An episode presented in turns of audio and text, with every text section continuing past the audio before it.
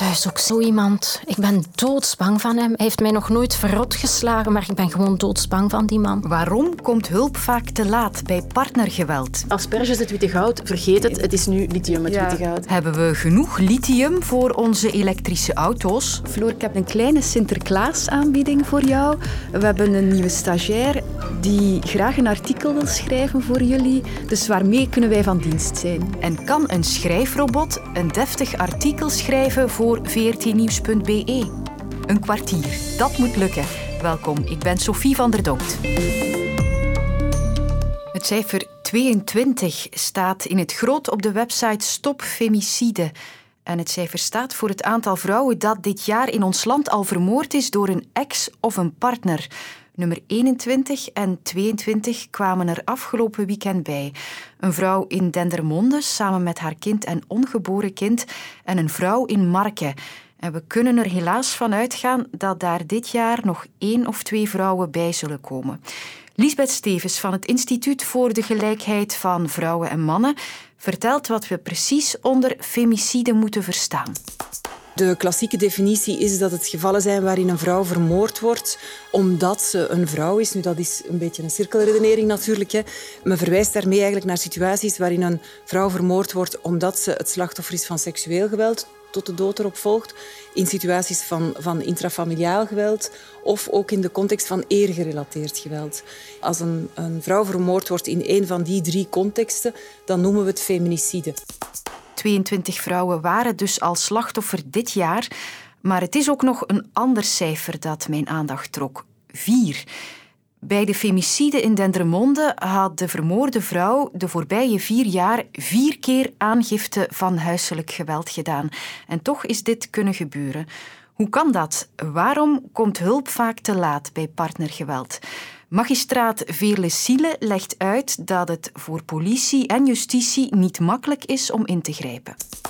Als we dat bekijken, dan is intrafamiliaal geweld een van de materies waar politie het meest mee in aanraking komt. Wij zien heel veel zaken waar politie heel regelmatig moet tussenkomen. Maar dan spreek ik over in een maand bijvoorbeeld meerdere keren. En dat maakt ook dat het voor politie heel erg moeilijk is. Dat het soms zelfs voor wat frustratie zorgt. Want we zien ook vaak koppels die ondanks het geweld samen blijven. We zien ook vaak wederzijds geweld. En dan is het ook heel moeilijk van hoe, hoe gaan we voor die veiligheid zorgen zorgen. Want intrafamiliaal geweld en partnergeweld zijn complexe problemen waar geen eenvoudige oplossingen voor bestaan.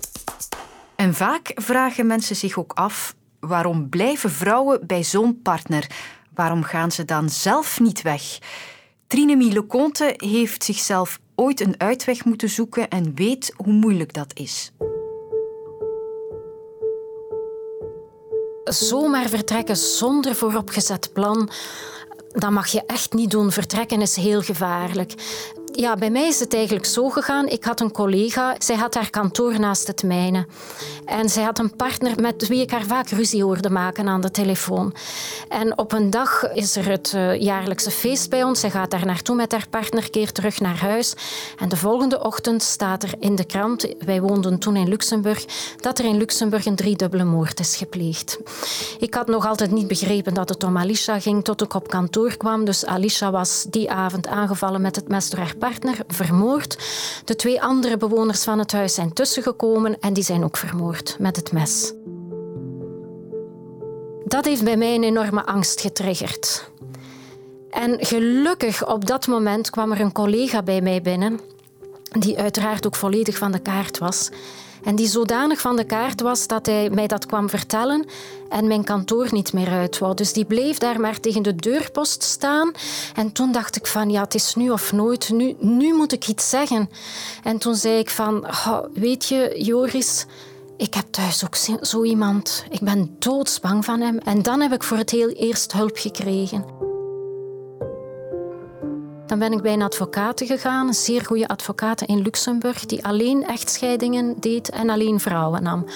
En dan heb ik samen met haar en onze beste gemeenschappelijke vriend, dus eigenlijk onze boezemvriend, een ontsnappingsplan opgesteld. Ik moest dan wel nog vijf weken bij hem blijven. En uiteindelijk ben ik dan op het einde van die vijf weken vertrokken, zogenaamd naar mijn moeder voor de kerst. En hij ging gelukkig niet mee. En ik ben nooit meer teruggekeerd.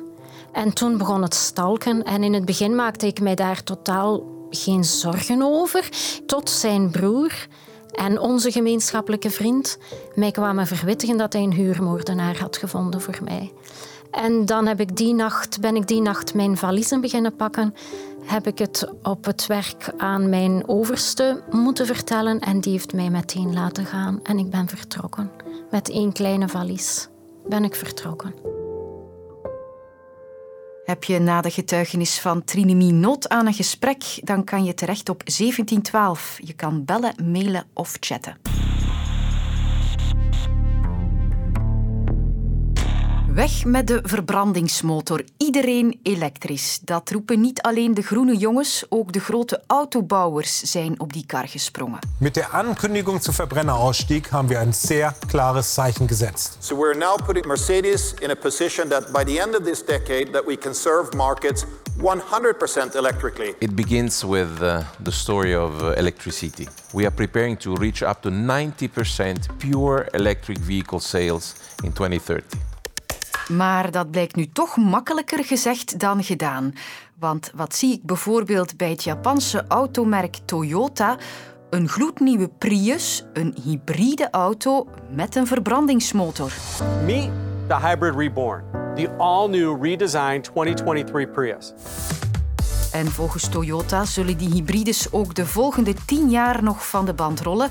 Want er is nog niet genoeg lithium om helemaal elektrisch te gaan. En daar valt het woord lithium, de grondstof voor batterijen voor elektrische auto's, ook wel het witte goud genoemd. Licht genoeg en toch in staat om enorm veel energie op te slaan. Maar blijkbaar ook zo schaars dat het onze ambitie richting elektrische auto's in de weg kan staan. Al mijn vragen over dat lithium mocht ik afvuren op Anne Hardy, chemicus aan de U Hasselt. Ik hoop u van dienst te kunnen zijn, zeker en vast. 1. Wat is lithium eigenlijk? Lithium zelf is een metaal. Als we dat in de metallische vorm tegenkomen, ziet dat eruit ja, zoals een, een zilverachtig metaal, net zoals aluminiumfolie ongeveer. Het komt voor in uh, heel geconcentreerd zout water, maar het wordt ook ontgonnen in de vorm van mineralen, dus zeg maar als gesteente. Het zit eigenlijk ingebouwd in een gesteente. En om het daaruit te halen is dan heel veel energie nodig. Anderzijds kunnen we het dus ook gaan halen uit die geconcentreerde zouten die we vinden, zoals in Chili bijvoorbeeld. Maar om die daaruit te kunnen halen hebben we dan weer heel veel water nodig.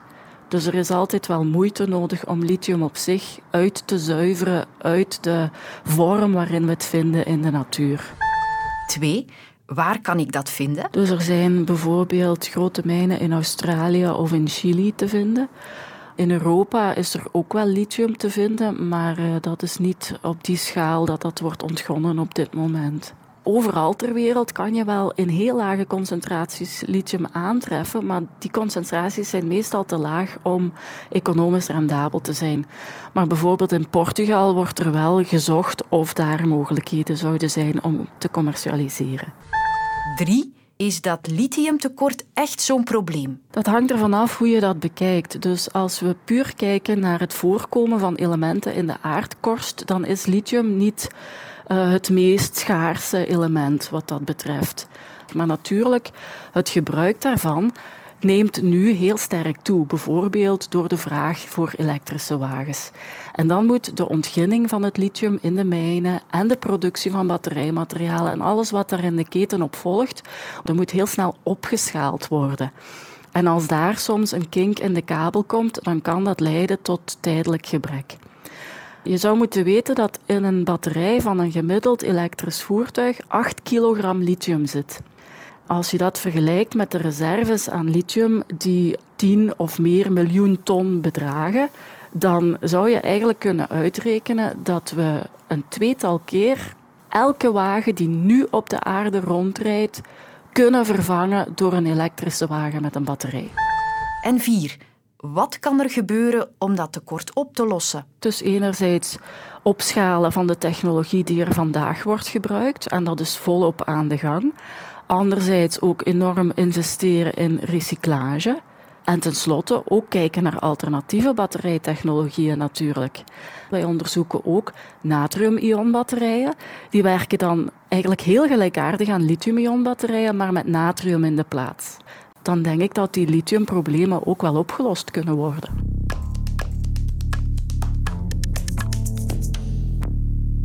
Vandaag heb ik de nieuwe schrijfrobot ChatGPT uitgetest. Daar is veel over te doen, omdat het een erg sterk staaltje van AI of artificiële intelligentie zou zijn. Denk aan Siri op onze telefoon, maar dan verschillende levels verder. Made in Californië. Je kunt er heel veel opdrachten aan geven en het resultaat rolt er heel snel uit. Op de redactie heb ik de proef op de som genomen. Floor, ik heb jou er eventjes bijgeroepen. Je bent eindredacteur bij Online vandaag. We hebben een kleine Sinterklaas-aanbieding voor jou. We hebben een nieuwe stagiair, een snelle werker, die graag een artikel wil schrijven voor jullie. Dus waarmee kunnen wij van dienst zijn? Oh, zou je iets kunnen schrijven over die cyberaanval bij de stad Antwerpen? En terwijl ik mijn artificiële stagiair even laat werken, ga ik vragen wat er zo speciaal aan is. Goedemiddag. Goedemiddag. Aan twee jonge en enthousiaste ondernemers voor de prijs van één. Dus uh, ik zelf ben uh, Sam Hendricks, Hendricks achteraan CKX. Olive? Het is gewoon vertellen, je moet, je moet dat niet spellen, denk ik. Hè? Ah ja, ja, ah, ja tuurlijk, ik ga opnieuw beginnen. Dus ik ben uh, Sam Hendricks en naast mij is Michiel van den Driessen. Wij zijn twee van de oprichters van Raccoons. Wat we met Raccoons doen is eigenlijk, wij bouwen voor onze klanten digitale producten, maar altijd met iets van innovatieve technologie komt meestal neer natuurlijk op artificiële intelligentie. Virtuele assistenten zijn dus helemaal hun business, maar ze zijn nu toch verrast. Wat we zien bij ChatGPT is toch wel een heel straf stukje technologie.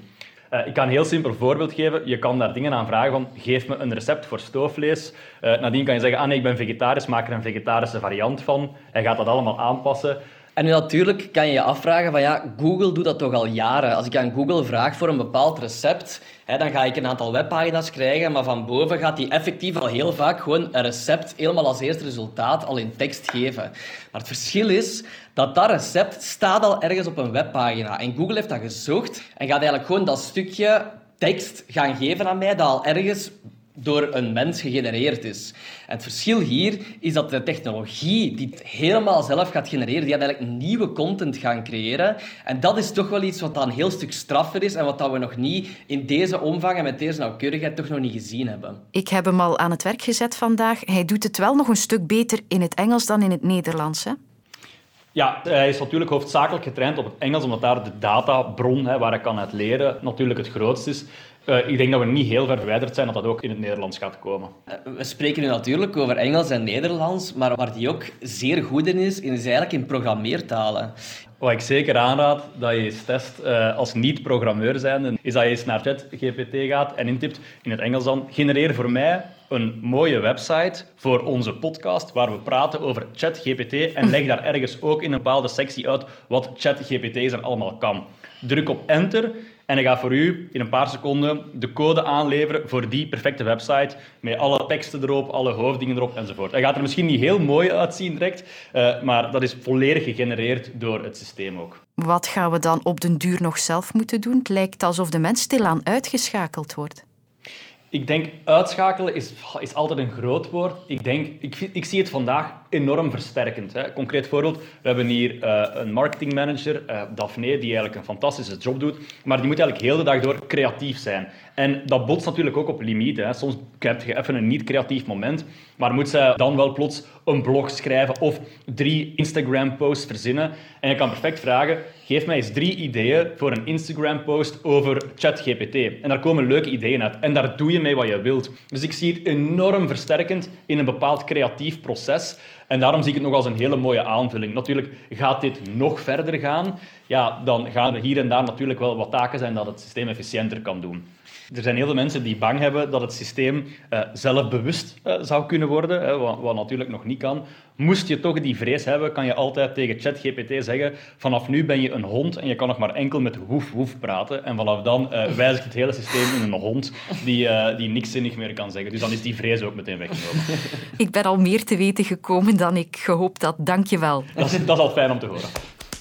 Floor, heb je het artikel van onze stagiair al een keer kunnen nalezen? We merken dat hij nogal een loopje neemt met de waarheid soms en dat hij nogal uit de nek kletst. Al viel de schrijfstijl, was dat wel nog oké. En dus doe het morgen gewoon weer zonder chatrobot. Tot dan. Anke van Meer duikt in de wereld van pleegzorg. Ze volgt daarbij vier jaar lang het traject van haar broer en zijn vriend. Ontdek het hele verhaal in de podcast Nest, nu in de app van VRT Max.